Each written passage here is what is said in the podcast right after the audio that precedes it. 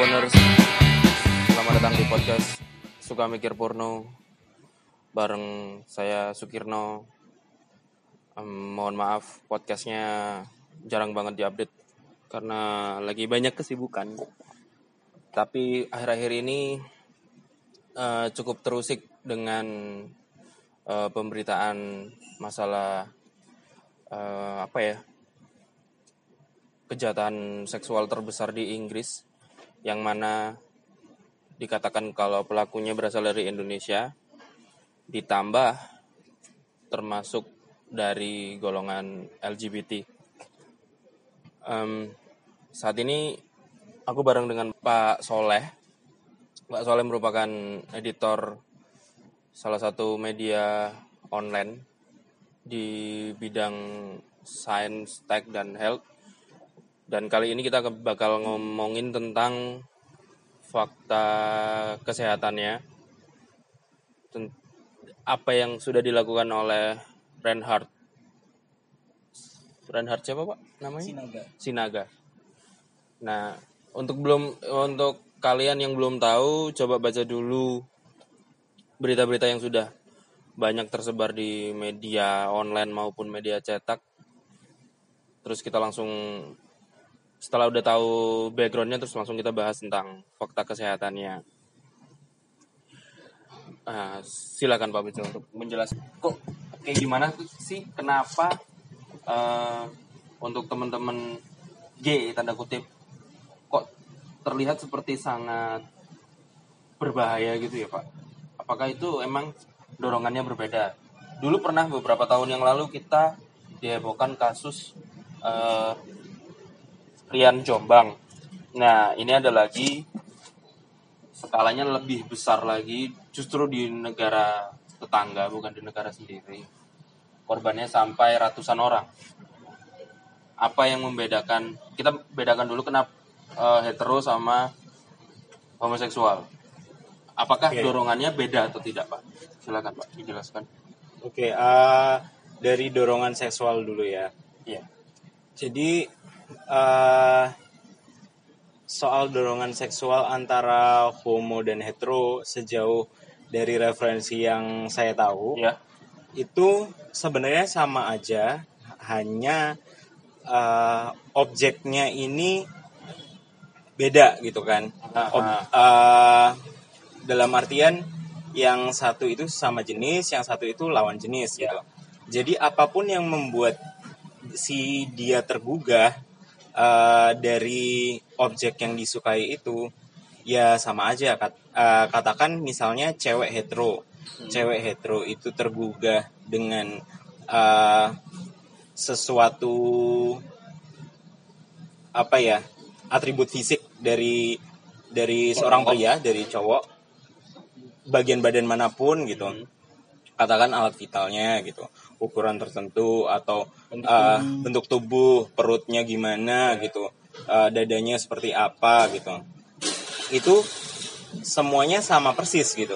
Jadi dorongannya itu dibedakan uh, dari apakah dia meneruskan bentuk dorongan itu atau enggak. Jadi dikatakan ketika itu jadi apa ya namanya ya jadi melanggar norma Hmm, ini dorongan. ini kita eh, bicara soal ini ya itu bentuk pemerkosaan gitu iya iya iya benar di benar pe- pelanggaran normanya di situ gitu terkait eh, hubungan seks homoseksual itu melanggar eh, norma atau tidak itu kembali ke pribadi masing-masing. tapi bagaimanapun orientasi seksualnya bentuk apa pun pemerkosaan adalah bentuk pelanggaran norma benar karena itu tidak suka sama suka uh, bisa Unsur jadi itu paksaan. unsur paksaan ataupun yang satu dalam kondisi tidak, Tidak sadar, sadar, atau benar. tidak tidak bisa memberikan uh, respon apa pun Benar. gitu kayak gitu jadi dorongan seksualnya sama aja mas oh gitu ya kok terlihat se- seolah-olah eh, kayak yang teman-teman dari homoseksual itu kayak lebih lebih beringasan gitu pak nah dari berita-berita yang beredar itu terus eh, yang lebih disayangkan lagi em, berita itu masuk ke Indonesia dan yang dibahas justru malah tentang eh, LGBT-nya, bukan tindak pemerkosaannya. Hmm. Padahal seperti yang kita tahu, Indonesia juga masih lemah untuk melindungi korban-korban perkosaan, baik itu hetero maupun homoseksual. Hmm. Itu yang menurutku sangat sayang, sangat disayangkan sih. Kenapa kita fokus ke LGBT-nya gitu? Iya. Kenapa kita nggak lepas dari itunya dan kita bahas tentang tindakannya itu aja sih. Betul. Dan beberapa media Indonesia juga menitik beratkan di pendapat-pendapat orang tentang LGBT-nya, bukan justru tindakannya itu Pak yang sangat disayangkan. Hmm. Dan se- eh, sepengetahuan saya dari berita yang saya baca di yang dilansir dari media Bapak kan berimbang itu Pak tentang fakta medisnya dan segala macamnya. Nah, eh, balik ke pertanyaan simpel aja deh yang sering ditanyakan eh, buat teman-teman yang heteroseksual. Hmm. LGBT itu menular atau tidak? Oke. Eh, jadi masalah menular atau tidak ini juga eh, apa ya riset itu punya keterbatasannya. Hmm. Ada beberapa riset yang bilang menular ini maknanya sangat luas. Jadi, Oh, oke. Eh, kalau dibilang menur, menular itu ketika eh, apa ya si si objek yang misalnya itu hetero awalnya hetero Mhm, mhm. kemudian melakukan hubungan seks homoseksual Iya. berarti dari situ aja ada eh, Indikasi. dorongan indikasi kalau oh mau mencoba gitu Ah, ya, dan ya, ya. ketika merasa wah ini enak ini ini eh, comfort gitu melakukannya comfort ya. gitu eh, dan kemudian dia merasa ketagihan mungkin di situlah definisi menularnya gitu Oh, oke. kecuali dia tidak mengindahkan rasa penasaran itu kan Mhm. nah bisa jadi juga eh, dalam konteks ini menular ya tidak menular ketika ternyata enggak aku nggak bisa sorry itu saya ini kita belak belakan aja ya Hmm. sorry itu saya misalnya ini homoseksualnya eh, katakan cowok gitu cowok sama cowok enggak aku nggak bisa ngacang ya udah kan Hmm, berarti hmm, memang hmm. memang tidak ada ini ke sana gitu Tidak kecenderungan indikasi ke sana, ya. ke ke sana dan itu tidak menjadi menular gitu Mhm. tapi eh, ketika misalnya ad- eh, itu dari paksaan dalam artian dua-duanya sama-sama sadar ya, Ya. dalam kondisi sadar dan paksaan satunya sa- sangat menolak tapi eh, katakan misalnya diikat gitu Oke. diikat Oke. terus habis itu dipaksa penetrasi dan lain sebagainya Eh, mungkin akan mengalami shock mental Pasti, pasti. shock mental gangguan psikologis Psikologisnya kena. Nah, eh, dari situ definisi menular atau tidaknya itu tergantung ketika eh, gimana tang apa ya cara dia merespon penanganannya dia itu tadi. eh, penanganannya dia terhadap trauma dan shocknya itu gitu. Benar. Nah, misalnya dia akhirnya memutuskan untuk eh ya udah gitu, aku, aku tidak akan pernah melakukan itu karena aku sama sekali tidak suka, aku jijik Hmm, gitu hmm, hmm, ya hmm, hmm. definisi menular itu tidak terjadi gitu tapi ketika eh, dia apa ya aku udah diginiin sama seorang cowok aku akan balas dendam aku akan akan melakukan hal yang sama aku akan Terhadap cowok lain gitu. cowok lain terhadap Oh. ini atau dia akan bikin broken heart gitu karena dia benci sama gay dia dia akan ngincer Oh. banyak gay terus broken heart gitu Uh, ada dendam gitu nah itu Iya. tergantung responnya atau lama misalnya itu kan bentuk misalnya dendam Iya. atau uh, ketika dia menyadari ada rasa suka uh, dalam hubungan itu gitu ketika Hmm. melakukan itu kok ada perasaan yang berbeda gitu dengan Hmm. dengan ketika melakukan dengan cewek. Uh, dan dia kayak kangen dengan rasa itu. Nah itu berarti Hmm. udah nah itu udah definisi menularnya itu itulah terjadi jadi definisi menular tuh luas, Luas banget. banget ya. nggak bisa kayak disamakan dengan virus gitu Nah, virus kalau udah kena ya udah nular gitu kan. Nah ini beda gitu. Tergantung gimana penyikapannya si orang itu gitu. Iya. Banyak yang dilihat dulu ya ada Banyak psikologisnya. Iya, gitu kan oh soalnya kan kebiasaan orang Indonesia itu membandingkannya dengan hal yang simple gitu kan Pak. Maksudnya kalau menular dalam artian menular ini ya dianggap kayak flu gitu misalnya. deket doang gitu Deket udah bisa doang, langsung iya. jadi gitu kan Iya, misalnya bersentuhan doang atau Eh, eh. berkawan doang Nggak, bergaul nggak, nggak. doang Bergaul, itu bergaul bergaul. doang itu nggak bisa gitu. Iya. nggak bisa dan eh apa ya yang saya lihat sendiri teman-teman saya yang hetero dan bareng ketemu ada beberapa teman yang homo gitu kayak teman-teman yang hetero ini bingung gitu loh pak menaruh aku ini posisinya kayak gimana sih Nah. aku harus biasanya kan teman-teman yang eh, homoseksual itu kayaknya lebih terbuka gitu lebih Hmm. bisa membangun suasana gitu kan. Nah, biasanya sering kalau teman-temanku yang homo, mohon maaf itu seringnya bercanda gitu kan, Pak. Nah, teman-teman yang hetero ini takut gitu. Takut merasa bahwa kalau aku ketawa dengan leluconnya dia, ntar dia tak tertarik sama aku. Oh. Nah, itu sih yang yang sering ditakutkan buat teman-teman hetero. Ah, ntar aku aku nular gitu. Atau misalkan eh, temennya yang gay itu bersin gitu di sampingnya terus tiba-tiba jadi Wah, gay itu- juga wah, gitu itu- kan. Nah, Iya. Itu jelas pemahaman yang salah itu Nah. kalau misalnya menularnya sesimpel bersin gitu. Hmm.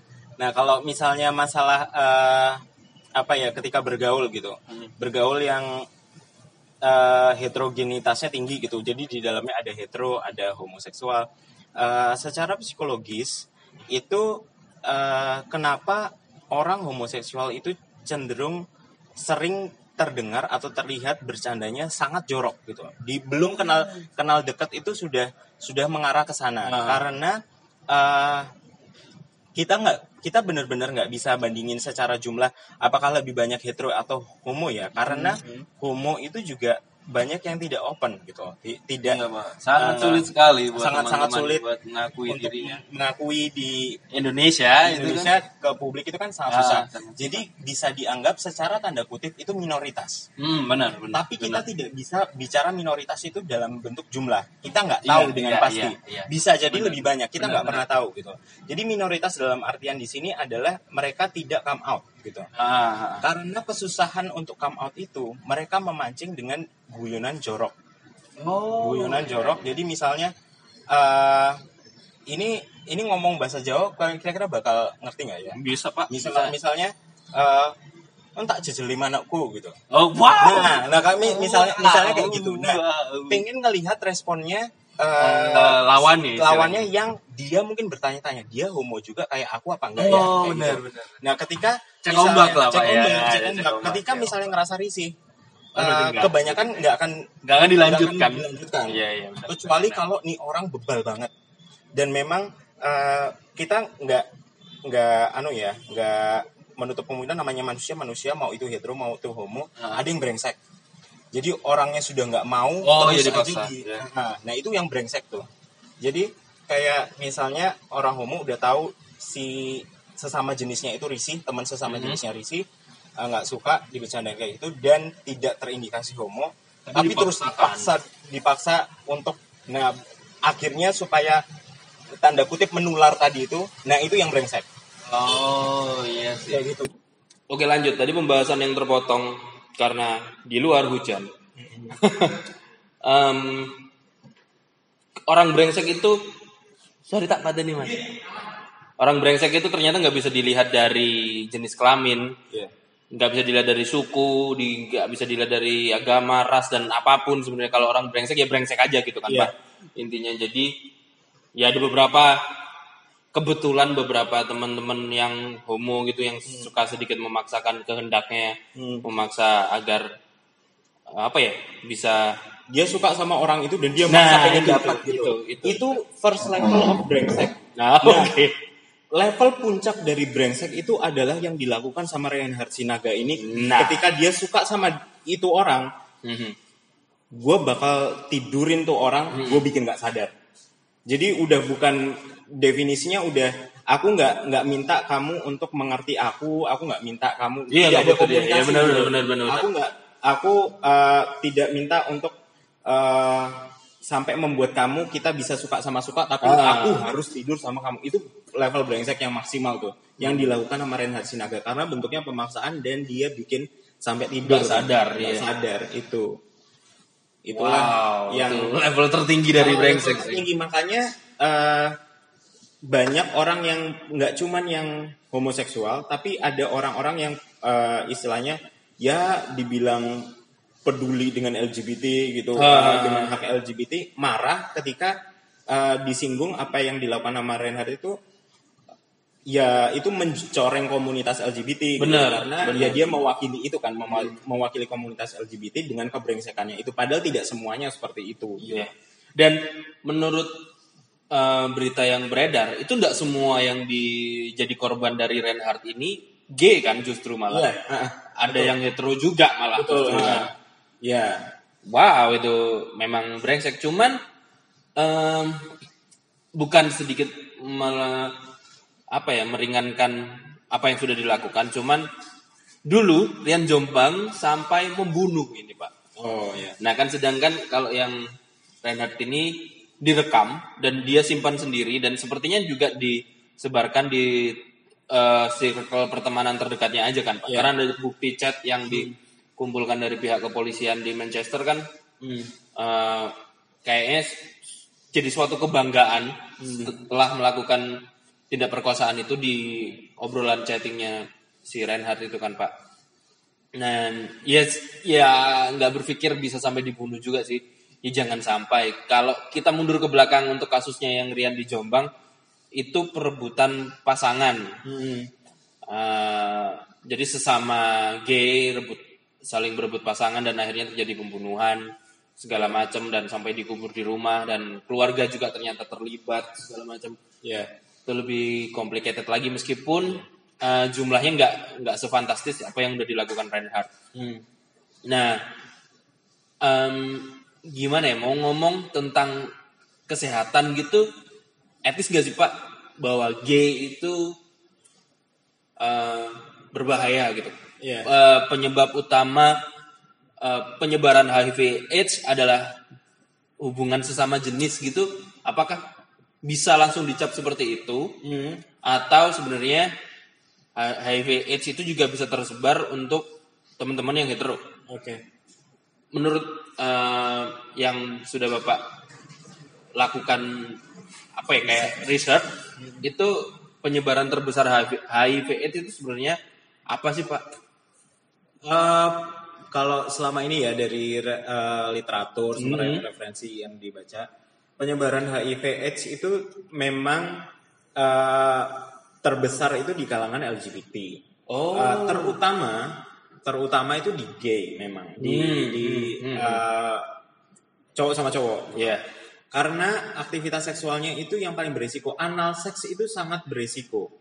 Sangat karena itu tempatnya kuman, itu tempatnya virus Oh, masuk ke oke. sana dan apalagi ditambah dengan berganti-ganti Ganti-ganti pasangan Nah, dan tidak pakai pengaman. Itu. Jadi Oh, eh, shit, ya. apa namanya? Untuk apakah bisa yang hetero sam- sama ya pokoknya hetero itu Mhm. ter ini juga selama ya berganti-ganti pasangan eh, atau memang si pasangannya udah kena ya bisa-bisa aja gitu loh. Bisa aja ya. Karena ini apa ya? Namanya namanya apa? eh, virus HIV itu kita kita even nggak nggak tahu gitu loh dia ada di mana gitu loh. Iya sih, dengan ada. dengan berganti-ganti pasangan itu makin membesarkan resiko gitu. Dan kalaupun misalnya sudah eh, sudah yakin gitu sama-sama sehat gitu. Hmm, hmm. Walaupun seseorang itu sudah ada virus HIV di dalam tubuhnya, Hmm. itu bisa jadi belum aktif, tapi u- sudah bisa nularin karena masa inkubasi dari virus HIV sendiri itu butuh tahunan sampai Oh. akhirnya virus itu bisa benar-benar berefek sama tubuhnya. Jadi bisa jadi oh sehat kok, aku masih sehat Hmm. gitu. Tapi kita udah punya HIV sebenarnya. Itu Iya, iya, iya. itu bisa gitu. Itulah kenapa kalau misalnya eh, ini teman-teman ada yang aktif secara seksual, memang harus tes setiap setahun tuh seenggaknya dua dua kali. Apalagi yang sadar bahwa ganti-ganti pasangan. Setiap Oh. eh, nggak harus ganti-ganti pasangan dalam waktu singkat ya, tapi setiap pacaran ngewe, Ngewe. setiap pacaran ngewe itu Iya. wajib tes. Iya, apalagi yang tiap pulang dukem ngewe. Ya, oke. kayak gitu itu. Itu resikonya sangat-sangat Wow. gede gitu. Iya. Karena ma- masa omongan saya sendiri ini sepertinya.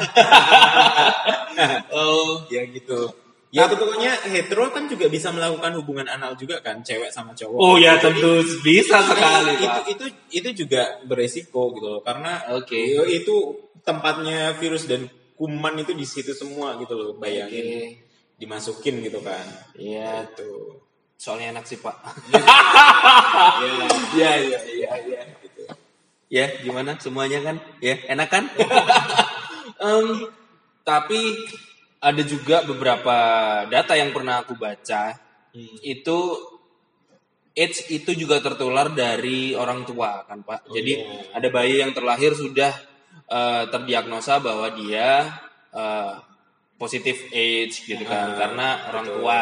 betul Jadi kasihan juga kalau kayak gitu. Jadi dan gimana Pak? tidak semua orang jujur Uh, walaupun misalnya dia punya Oh, dari iya. kecil Iya, ataupun dia punya dari hasil dia bermain tidak semua orang jujur gitu jadi uh, jangan sakit hati dan jangan sungkan untuk saling bertanya apakah kamu negatif HIV Oh, atau iya. uh, AIDS gitu Mm-mm. atau kalaupun misalnya uh, bahkan benar-benar untuk cari amannya ya tes bareng dulu sebelum melakukan Waduh, waduh. itu gitu Jadi kalau kita dianalogikan ini Pak, kita lagi dugem gitu asik tuh kan mabok, udah sange segala macem. Kan nggak mungkin itu Pak ke puskesmas kan Iya buat sih. ngecek ya. Nah, Iya. simpelnya ada langkah paling simpel. Beli kondom. Nah, Indomaret buka 24 jam, Alfamart buka 24 jam. Tinggal mau rasa apa ada, mau yang bintik kayak mau yang bergaris ada. Jadi ya dan kebiasaan orang Indonesia adalah susah buat eh, tanya hal-hal yang menurut dia tabu. Kayak, kayak kamu bersih nggak sih? Itu kan kayak gimana gitu kan? Iya. Nah, untuk menghindari obrolan yang bakal bikin kalian awkward, Iya. cukup gunakan kondom. Selesai. Apalagi kalau misalnya sudah sadar bahwa aktif secara seksual ya udah stop aja tiap hari daripada dalam kondisi habis duga mabuk nggak enak itu masa ke minimarket gitu kan Oh, iya, lagi. iya. Ya Oh, iya, nyetok iya. aja gitu loh bawa Iya, iya. selalu sedia di dompet kayak Benar sekali. gitu Uh, uh, utamakan payung sebelum hujan lah ya. Oke, ya udah kita AIDS sudah terbahas dan LGBT di awal tadi juga sudah terbahas. Nah, apalagi yang kita bahas? Kok kok bisa obat bius itu sampai berpengaruh tidak sadar se- sebegitunya gitu loh Pak. Maksudnya kalau misalkan simpelnya kalau lagi ke dokter gigi kan kita juga dibius itu Pak. Tapi kan kita masih setengah sadar gitu. Dan ini kan dicampur di minuman kata yang Iya. di berita. Terus obat bius apa sih Pak yang sebenarnya digunakan itu Pak? Oke, jadi obat bius yang digunakan Rehat Sinaga ini eh, namanya GBH. GBH. Jadi GBH itu termasuk salah satu yang uh, kuat lah gitu. Oh. Se- ketika dicampurkan sama minuman uh, alkohol itu ada efek lebih yang itu setetes aja udah bikin aduh nggak nggak cuman ngefly doang itu itu, itu udah langsung udah blank out pasti ya. langsung pokoknya susah ber, uh, secara motorik udah udah nggak nggak berfungsi. nggak gitu ya. berfungsi gitu lah. Nah itu berapa teguk ya udah nggak sadar gitu. Nah Wow. untuk detailnya kayak gimana ya bisa baca-baca artikel-artikel banyak kok gitu soal GBH Oh, gitu. iya. Yang diangkat setelah kasusnya Reinhard Sinaga ini. Gitu. Hmm. Nah, eh, itu juga berpengaruhnya cepat gitu pak ya maksudnya efeknya Pengaruhnya cepat. Oh. Iya. Naiknya cepat. Wow. Tapi yang itu langsung cepat tidak sadar itu gitu. Iya, jadi ya blank out bukan digunakan untuk fun untuk uh, mabok tipsi-tipsi gitu. Oh iya iya iya. Wow, ya emang niatannya sudah jelek saja sih. Iya niatnya sudah jelek. Oh, begitu. Dan gimana lagi ya? Kadang susah sih kalau dilihat dari wajahnya. Apakah kalian berpikir kalau dia sejahat itu kan kayak kayak nggak kelihatan gitu loh pak. Orang brengsek itu kadang mukanya nggak kelihatan soalnya. kelihatan iya. Eh, apalagi ini karena dia kan bercinta dengan orang yang sama sekali tidak sadar, Mm-mm. tidak bergerak.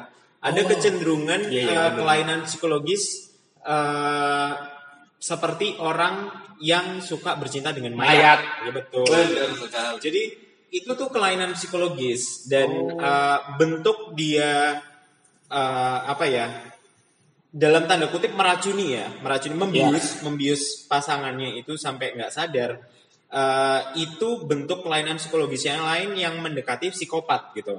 Wow. Jadi kalau misalnya yang bercinta dengan mayat itu kelainan psikologis sendiri, Hmm. kalau membuat tidak sadar itu uh, bentuk kelainan yang lain gitu. Jadi enggak bukan dalam satu kesatuan gitu. Ah. Bentuk kelainan yang lain uh, ya psikopat. Kalau misalnya orang bersuka bercinta dengan mayat ya udah bercinta sama mayat aja dia Hmm. enggak Nggak. membius orang kan, Iya, iya. enggak bikin enggak sadar orang. Dan dia nggak memaksakan untuk membunuh korbannya untuk diajak bercinta kan enggak. Iya, Ya kan, enggak. Rata-rata gitu.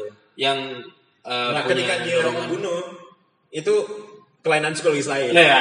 akhirnya bercabang lagi ya ini. Lagi, Iya, iya, seperti iya. itu iya benar Pak. Wow, wow. Jadi ketika eh, dia membunuh itu eh, beberapa psikolog bilang ini salah satu kecenderungan psikopat walau tidak eh, next levelnya itu seperti Rian Jombang membunuh. Hmm, hmm. Kalau ini kan nggak sampai membunuh gitu. Iya. Pokoknya nggak sadar aku bisa tidur dengan dia gitu. Nah, psikopat sendiri itu dibandingkan orang lain eh, selama ini selalu punya karisma yang menarik. Jadi eh, kalau misalnya dibilang tidak bisa dinilai dari wajah, eh, don't judge book by its cover, Benar. itu enggak eh, apa ya abu-abu lah soal soal psikopat ini karena kebanyakan psikopat itu orangnya secara tampang itu tidak jelek. Jadi eh, Oke, mas- jadi saya tidak mungkin psikopat karena saya jelek. lanjut, Pak, lanjut.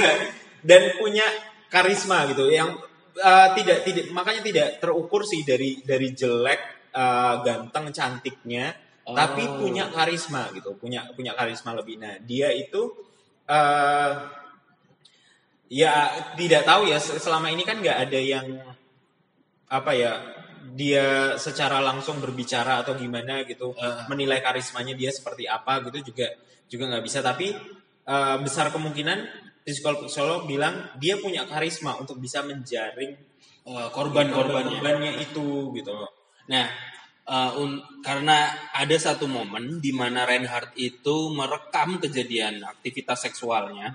Apakah itu ada termasuk kelainan eh, psikologi atau kayak gimana, Pak? Merekam hubungan eh, intim gitu, baik itu dengan yang sadar atau dengan pasangan buat ah ya buat apa ya kayak dokumenter itu apakah termasuk salah satu eh, kelainan psikologi atau kayak gimana, Pak? Atau biasa aja sebenarnya hal itu?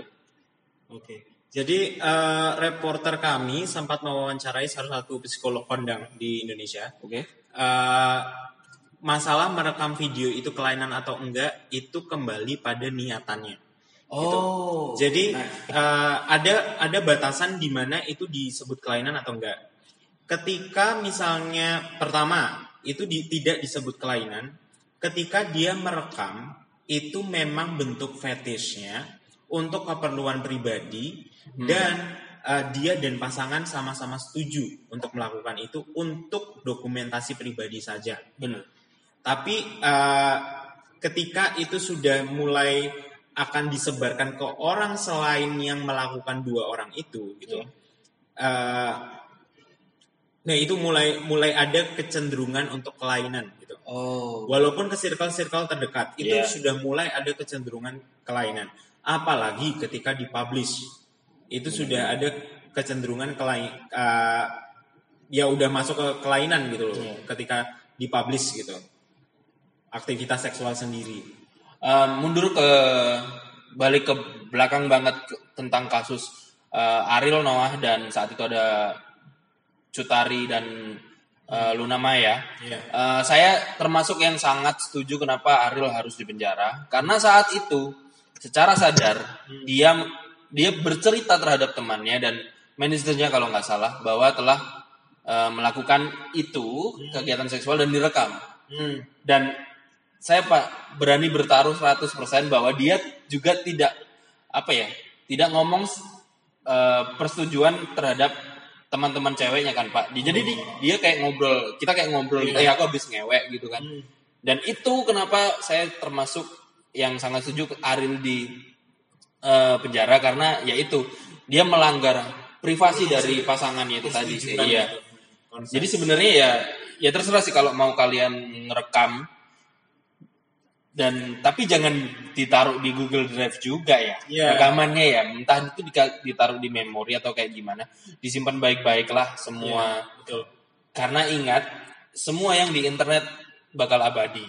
Nggak akan bisa hilang sampai kapan pun apalagi HP bisa dicolong walaupun ini Nah. cuma di HP jadi save-nya ya di memori atau ya pokoknya yang bisa disimpan bener-bener lah gitu iya sih atau gim- gimana nggak ada langkah yang aman sih sebenarnya Ya soalnya eh, kalau misalnya untuk keperluan pribadi sah-sah aja gitu. Hmm. Bukan dilarang, bukan bukan jangan jangan merekam aktivitas seksual nggak apa-apa karena beberapa orang itu eh, kadang bisa tergugah un- eh, ketika ketika melihat hubungan dengan pasangannya itu dengan tadi ya. pasangan itu gitu loh, video sendiri. Sementara ada juga pasangan yang ini dari baca-baca ya. Eh, ketika ngelihat eh, ngelihat pasangannya itu ngelihat bokep, Mhm. itu ngerasa cemburu karena lo kamu kok Oh, tergugah sama iya, cewek iya, lain iya, gitu. iya. Kamu Ada, lagi ada, ngeliatin cewek lain Ada. gitu. Iya, iya. Itu itu yang nah makanya kenapa perlu untuk merekam aktivitas seksual sendiri tergugah dengan rekamannya Oke. sendiri. Ya kalau memang kebutuhannya seperti itu ya nggak masalah gitu. Jadi nggak dilarang juga kegiatan. saya langsung flashback karena punya ada eh, apa ya kayak tergugah kembali memori saya ada yang dulu pernah pasangan kemarin kok nonton bokep lah ya kan nggak apa-apa apa aku kurang memuaskan Nah, ya itu kan Nah. untuk memfasilitasi itu ya udah punya rekaman sendiri oke gitu. Iya, iya, iya, iya, iya. Kecuali kalau pasangannya terbuka ya udah nggak apa-apa nggak masalah berarti kan. Iya sih. Tapi ada kasus khusus. Nah, Ah, salah satu ada beberapa kasusnya. Ah. Terus em, itu kan sampai korban-korban dari balik lagi ke Reinhardt tadi itu sampai dia tidak merasakan telah diperkosa Betul. dan netizen kontol Indonesia malah berpikir kok bisa tidak merasakan Hmm. Padahal diperkosa yang yang mana bagi orang awam melakukan perkosaan itu kan dipaksa akhirnya akan menimbulkan bekas. Hmm. Entah itu selaput darah yang robek atau ada beberapa bagian yang memar. Cuman Reinhardt ini kayaknya bisa smooth banget sampai tidak meninggalkan bukti yang menga- mengakibatkan korbannya pun tidak sadar telah eh, menjadi korban perkosaan gitu tuh, Pak. Berarti kita balik lagi ke obat bius yang efeknya sangat kuat banget. Bu. dan dia sepertinya kayak terlatih gitu kan Pak untuk memperkosa korbannya dengan dilihat dari total jumlah dan eh, korban yang merasakan ada hal yang aneh ini di tiba-tiba kentut kok nggak bunyi gitu atau berak kok eh, lancar-lancar saja tidak perlu eh, ngeden istilahnya Iya. Oke. Eh, jadi kalau misalnya sesuai dengan laporan di berita-berita itu bahwa korbannya itu sebenarnya tidak merasa apa-apa, Hmm. itu ya ya itu indikasi bahwa Renat memang melakukannya sudah terlatih gitu, Hmm. melakukannya dengan sangat smooth gitu. Apalagi ini kita bicara soal eh, cowok ya, Eh, korbannya cowok Hmm. yang kalaupun dipenetrasi ya mau nggak mau berarti di mana gitu kan. Nah kalau kalau cewek eh, punya selaput darah yang bisa menjadi tanda gitu. Ah. itu ketika ro- robek ketika apa ya udah itu eh, no turning back gitu kan. Iya. Eh, ketika berdarah mengalami pendarahan atau apa gitu. Eh, cuman perbedaan dengan apa ya antara vagina sama eh, anus, Anus. itu vagina dia secara alami akan mengeluarkan cairan yang Pelumas. pelumas gitu yang untuk eh, supaya ya lebih licin gitu kalau Iya. lebih enak gitu masuk keluarnya gitu kan. Tapi kalau misalnya enes itu tidak ada cairan itu sama sekali gitu. Kecuali kalian diare. Tapi enggak ya wa- walaupun eh, kabarnya ketika ketika pun diare itu uh, sifatnya kan tidak seperti uh, jadi cairan vagina sebagai pelumas itu sifatnya uh, liquid yang liquid yang uh, kalau misalnya kalian beli gel gel Oh, yang iya. Indomaret yang merupai itu jadi sifatnya itu gel kalau misalnya diare itu kan sifatnya water base gitu kan Iya. jadi itu tetap kes, tetap akan sakit gitu loh Ya jadi simpelnya itu kalau cairan vagina ya kayak lubrikan gel. Lubrikan gel. Kalau diare ya bumbu pecel. iya iya ya tetap berair sih, Ada tapi kan, padatnya, ya, ada tapi kan ada kacangnya ya di situ yang ikut. ya seperti itu Iya, iya, jadi iya, iya. dari sini kita tahu kalau uh, ini jago jago melumasi jago jago bikin agar anusnya tidak berdarah Iya.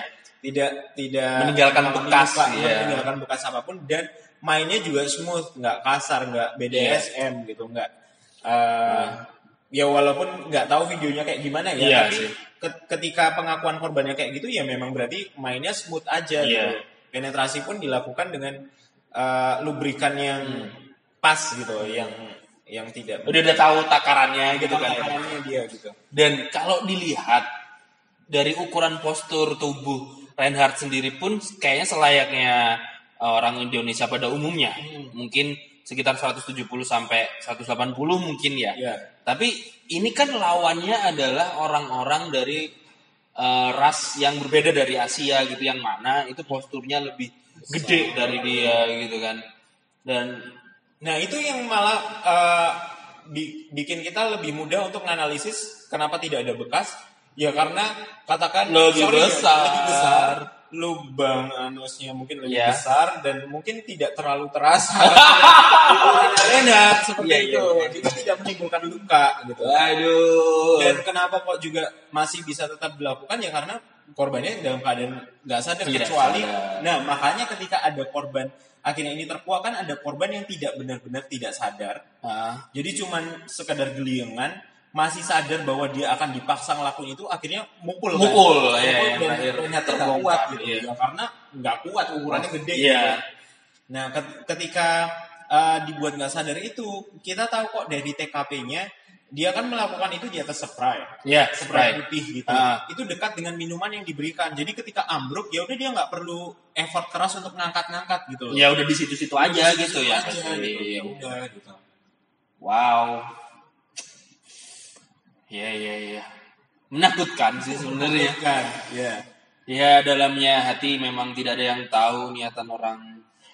Jadi ya hati-hati ya, hati-hati aja lah. hati-hati. Aja buat siapa pun lindungi diri sendiri pertama, orang terdekat, keluarga, segala macam sana family, teman-teman kalian. Dan kalaupun ada yang pernah merasa menjadi korban perkosaan baik itu teman cowok atau cewek karena tidak menutup kemungkinan korban perkosaan tidak hanya eh, teman-teman cewek tapi cowok juga ada. Hmm. ya tetap dampingi mereka mungkin. Ya dampingi. Dan ya jadi orang terdekat buat mereka lah yang membutuhkan. Tuh karena kita juga nggak tahu kan psikologi tiap orang berbeda-beda dan pola Baik pikirnya. iya baik cowok sama ataupun cewek sih sebenarnya. Dan yang terakhir ini pak apa ya kata-kata ter, kok kata-kata terakhir ya? Apa ya yang enak ya? Pesan-pesan. pesan-pesan terakhirnya apa sih untuk yang teman-teman yang aktif secara seksual terus teman-teman yang memiliki teman yang berbeda dengan dia seperti hetero dan homoseksual misalnya. Terus ya udah apa aja sih pak? Pesan dari Pak Soleh. Yang eh, pertama soal aktif secara seksual jadi benar kata Mas Kirno tadi eh, kalau udah sadar aktif ya udah cara mudahnya adalah sedia kondom sedia pengaman gitu. Udah itu itu selalu nyetok lah bawa ke ke mana pun kan kita nggak pernah tahu kapan kita beruntung gitu. Ya. Ya, kayak benar sekali. Ya Benar itu sekali.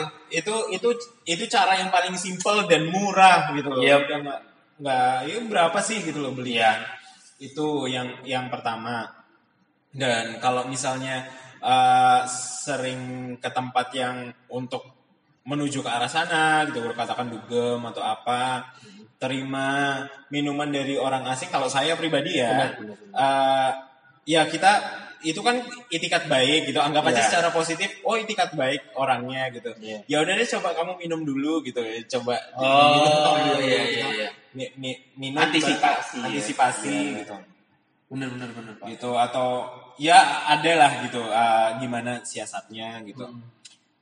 terus kalau uh, misalnya apa ya uh, kamu pun aktif secara seksual dan kamu suka ngincer seseorang kalau misalnya kamu sudah tahu uh, ini yang paling fundamental orientasi seksualnya berbeda please jangan dipaksa jangan jangan sampai kamu uh, merusak apa yang sudah uh, ya dia dia apa adanya gitu loh. Kamu adalah kamu, terima apa adanya kamu.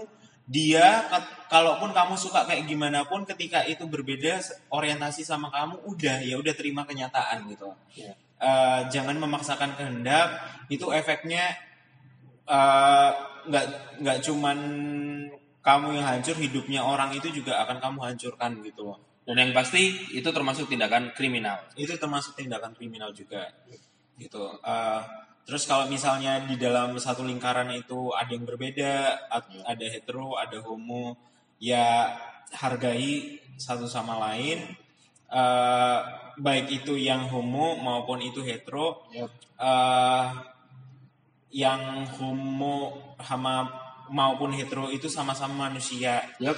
eh, yang butuh diingatkan, Benar. yang itu eh, butuh untuk diapresiasi, ya apa pun lah kebutuhan dasar manusia. Benar Kenapa eh, selama ini orang memperjuangkan hak asasi atau kesetaraan, Kesetaraan. hak itu karena ya sebagai manusia aja gitu. Benar. Tidak berarti menyetujui apa yang mereka lakukan gitu. Tidak berarti menyetujui eh, aktivitas Aktivitas. aktivitasnya katakan eh, ada stigma homo suka orgi padahal itu juga dilakukan hetero Iya. itu. atau eh, pokoknya sejorok itulah se- eh, homo yang suka bikin tertular-tular gitu. Eh, enggak awalnya ketika kalian terjun ke dalam lingkaran yang sangat heterogen itu penuh macam-macam orang pandang semua orang secara sama, gitu loh.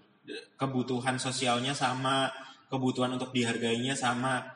Eh, ketika ada yang mulai kelewat batas katakan baik itu hetero uh, maupun homo gitu eh, belum kenal dekat udah jorok-jorok menuju ke arah sana ya ya seperti eh, nggak usah terlalu mikir terlalu jauh oh aku akan dibuat tertular atau apa gitu Iya, iya, iya. ya ngingetin ya eh, katakan bahwa kamu tidak suka gitu. Iya.